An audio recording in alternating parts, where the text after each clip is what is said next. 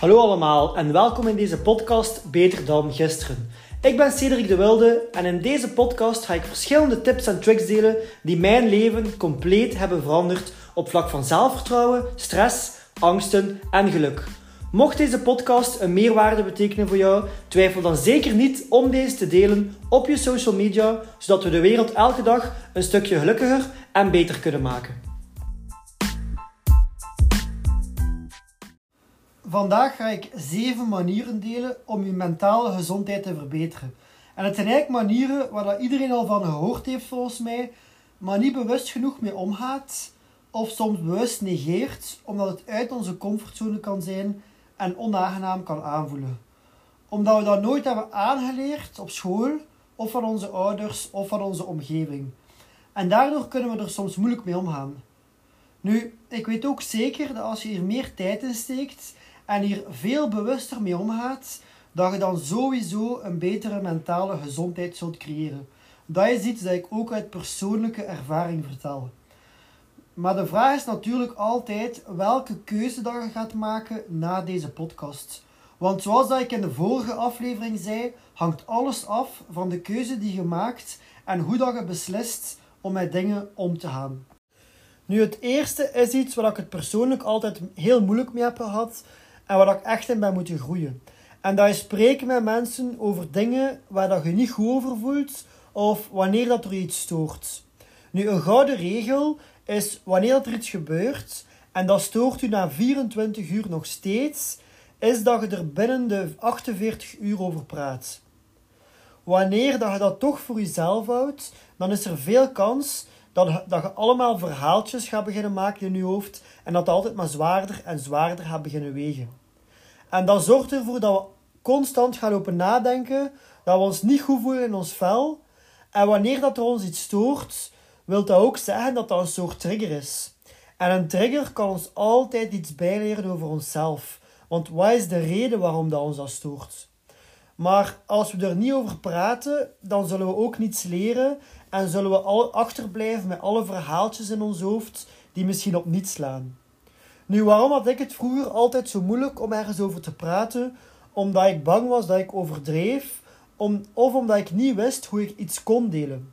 Mijn emoties hadden te veel invloed op mij en ergens had ik een angst om te veel emoties te tonen en dan zwak over te komen. Nu, wat ik dan vroeger altijd deed, was hopen dat het vanzelf wegging, zonder dat ik erover zou moeten praten. En ik ging mezelf dat gaan afleiden en ik ging dan de oorzaak gaan negeren. En dat deed ik door te gaan drinken, tv kijken, rond mensen zijn of constant bezig zijn en er gewoon voor zorgen dat ik er niet aan moest denken. Maar als ik dan stil viel of alleen was, dan kwamen al die emoties weer terug. Dus ik heb echt moeten leren praten en stoppen met alles negeren. Nu, het volgende is leren omgaan met emoties. Ik was vroeger, of soms nog altijd, iemand die mij schaamde voor bepaalde emoties. Ik zag veel emoties als zwakte, omdat mij ook werd aangeleerd. Daardoor had ik het ook zo moeilijk om die te delen.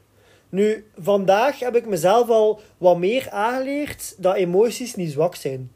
Emoties zijn menselijk en een deel van wie dat we zijn. En we worden maar zwak door emoties weg te duwen. Want dat zorgt ervoor dat we te veel gaan nadenken en dat we ook geen controle meer hebben over onze emoties. Maar dat onze emoties controle hebben over ons. Waardoor dat we veel meer kans hebben om de verkeerde keuzes te maken die ons niet het leven gaan geven dat we echt willen en die ons in situaties gaan brengen dat we eigenlijk niet willen. Nu, voor mij was dat echt uit mijn comfortzone en ik vond dat heel eng om mijn emoties te leren delen. En ik besef dat enkel mensen die zelf bang zijn van emoties, ook bang zullen zijn van andere mensen hun emoties. Dus als mensen raar reageren, als jij je emoties deelt, dan zegt dat veel over hoe, hoe goed dat ze kunnen omgaan met hun eigen emoties. Dus denk eens na over een persoon in je omgeving waarbij dat je kunt leren om je emoties te delen. Wie zou er u daarbij kunnen helpen om je meer open te stellen en om, het, om je toe te laten om je zwaktes te tonen? En zo kom ik ook bij het volgende puntje en dat is leren vragen om hulp. We willen alles soms zelf oplossen, maar dat is niet altijd mogelijk. Dat is ook iets waar ik echt in ben moeten groeien en waar ik nog steeds in kan groeien. Vragen om hulp is voor mij nog steeds niet zo gemakkelijk. Omdat ik mij, weer, omdat ik dan, omdat ik mij dan weer zwak of gefaald voel. Maar dat is niet waar. Het is net zwak om geen hulp te durven vragen. Ik besef nu vandaag dat andere mensen zoveel dingen zien van ons waar we zelf soms niet bewust van zijn. Bijvoorbeeld onze blinde vlekken. Dingen dat we doen die ons eigenlijk in, in moeilijke situaties brengen, maar dat we zelf niet bewust van zijn dat we doen. En andere mensen zien dat soms wel dat we dat doen. Nu, ook een reden waarom dat ik het soms moeilijk heb om hulp te vragen, is omdat ik bang ben voor wat ik ga horen. Bepaalde confrontaties die ik liever niet aanga. Maar die zijn zo belangrijk om jezelf te helpen groeien.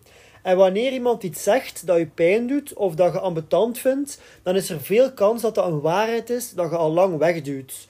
Maar een waarheid die je wel kan helpen naar het volgende level als persoon. Dus zoals ik al zei, is veel van, van deze dingen uit onze comfortzone. Het vierde puntje is meer zorg leren dragen voor jezelf. Denk eens aan iemand in je leven die je enorm graag ziet of waar dat je verantwoordelijk voor voelt. Stel je voor dat je geen aandacht meer zou geven aan die persoon en dat je die persoon zou verwaarlozen. Dat je er geen tijd meer zou insteken. Hoe zou jullie relatie dan zijn? Zou die persoon je nog graag zien? Of zou die persoon je nog respecteren? Je kunt dat ook reflecteren naar jezelf. Hoe minder zorg dat je draagt voor jezelf, hoe minder tijd dat je steekt in jezelf, hoe minder dat je jezelf zult gaan respecteren. En dat zal ervoor zorgen dat je ook minder in staat zult zijn om zorg te dragen voor anderen. En dat je ook je veel meer als een stuk vuil zult laten behandelen.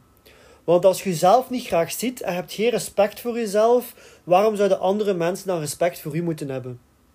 Nu, wat is zorg dragen voor jezelf? Dat is jezelf op de eerste plaats zetten. Elke dag een podcast luisteren, gezond eten, sporten, praten, dingen doen die dat je graag doet en die dat je energie geven, met de juiste mensen omgaan en minder met negatieve mensen.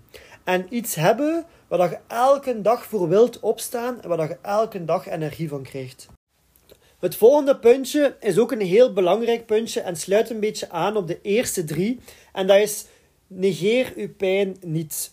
Hoop niet dat uw pijn vanzelf weggaat. Mensen die hun pijn negeren, zijn mensen die elke keer dezelfde uitdagingen blijven tegenkomen.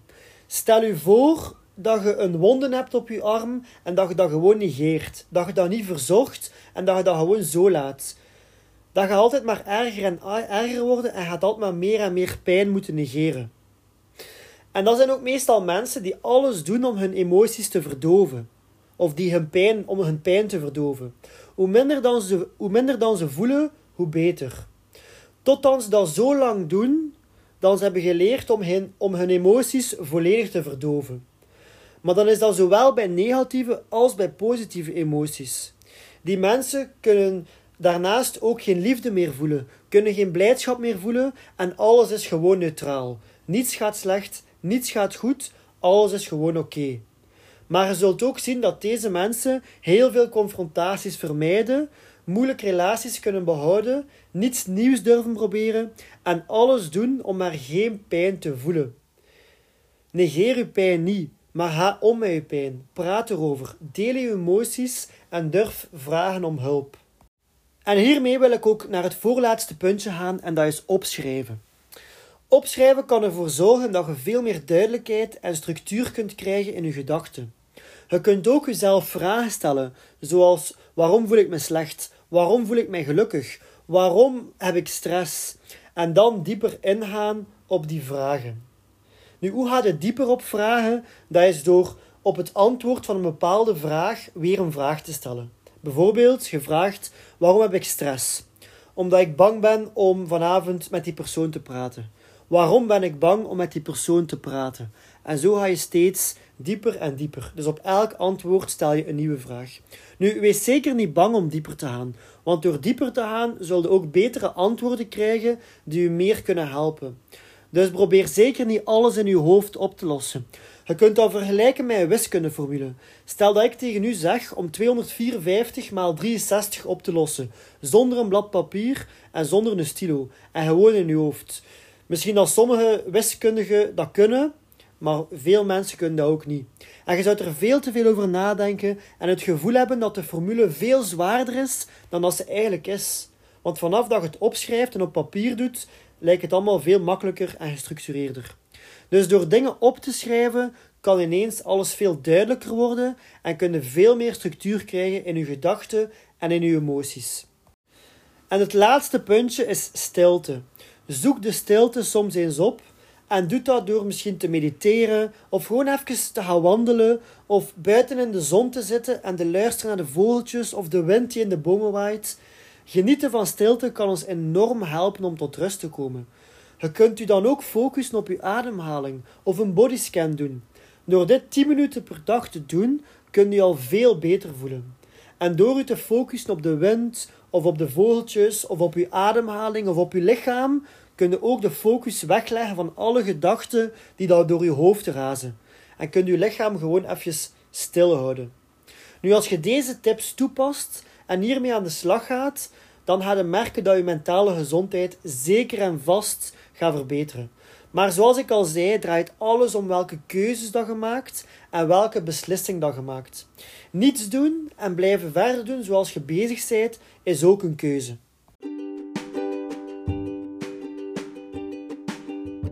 Oké, dat was de podcast voor vandaag. Hopelijk heeft deze podcast jullie warm gemaakt om na vandaag nog meer aan jezelf te werken, waardoor dat je binnen een jaar nog trotser zult zijn op jezelf.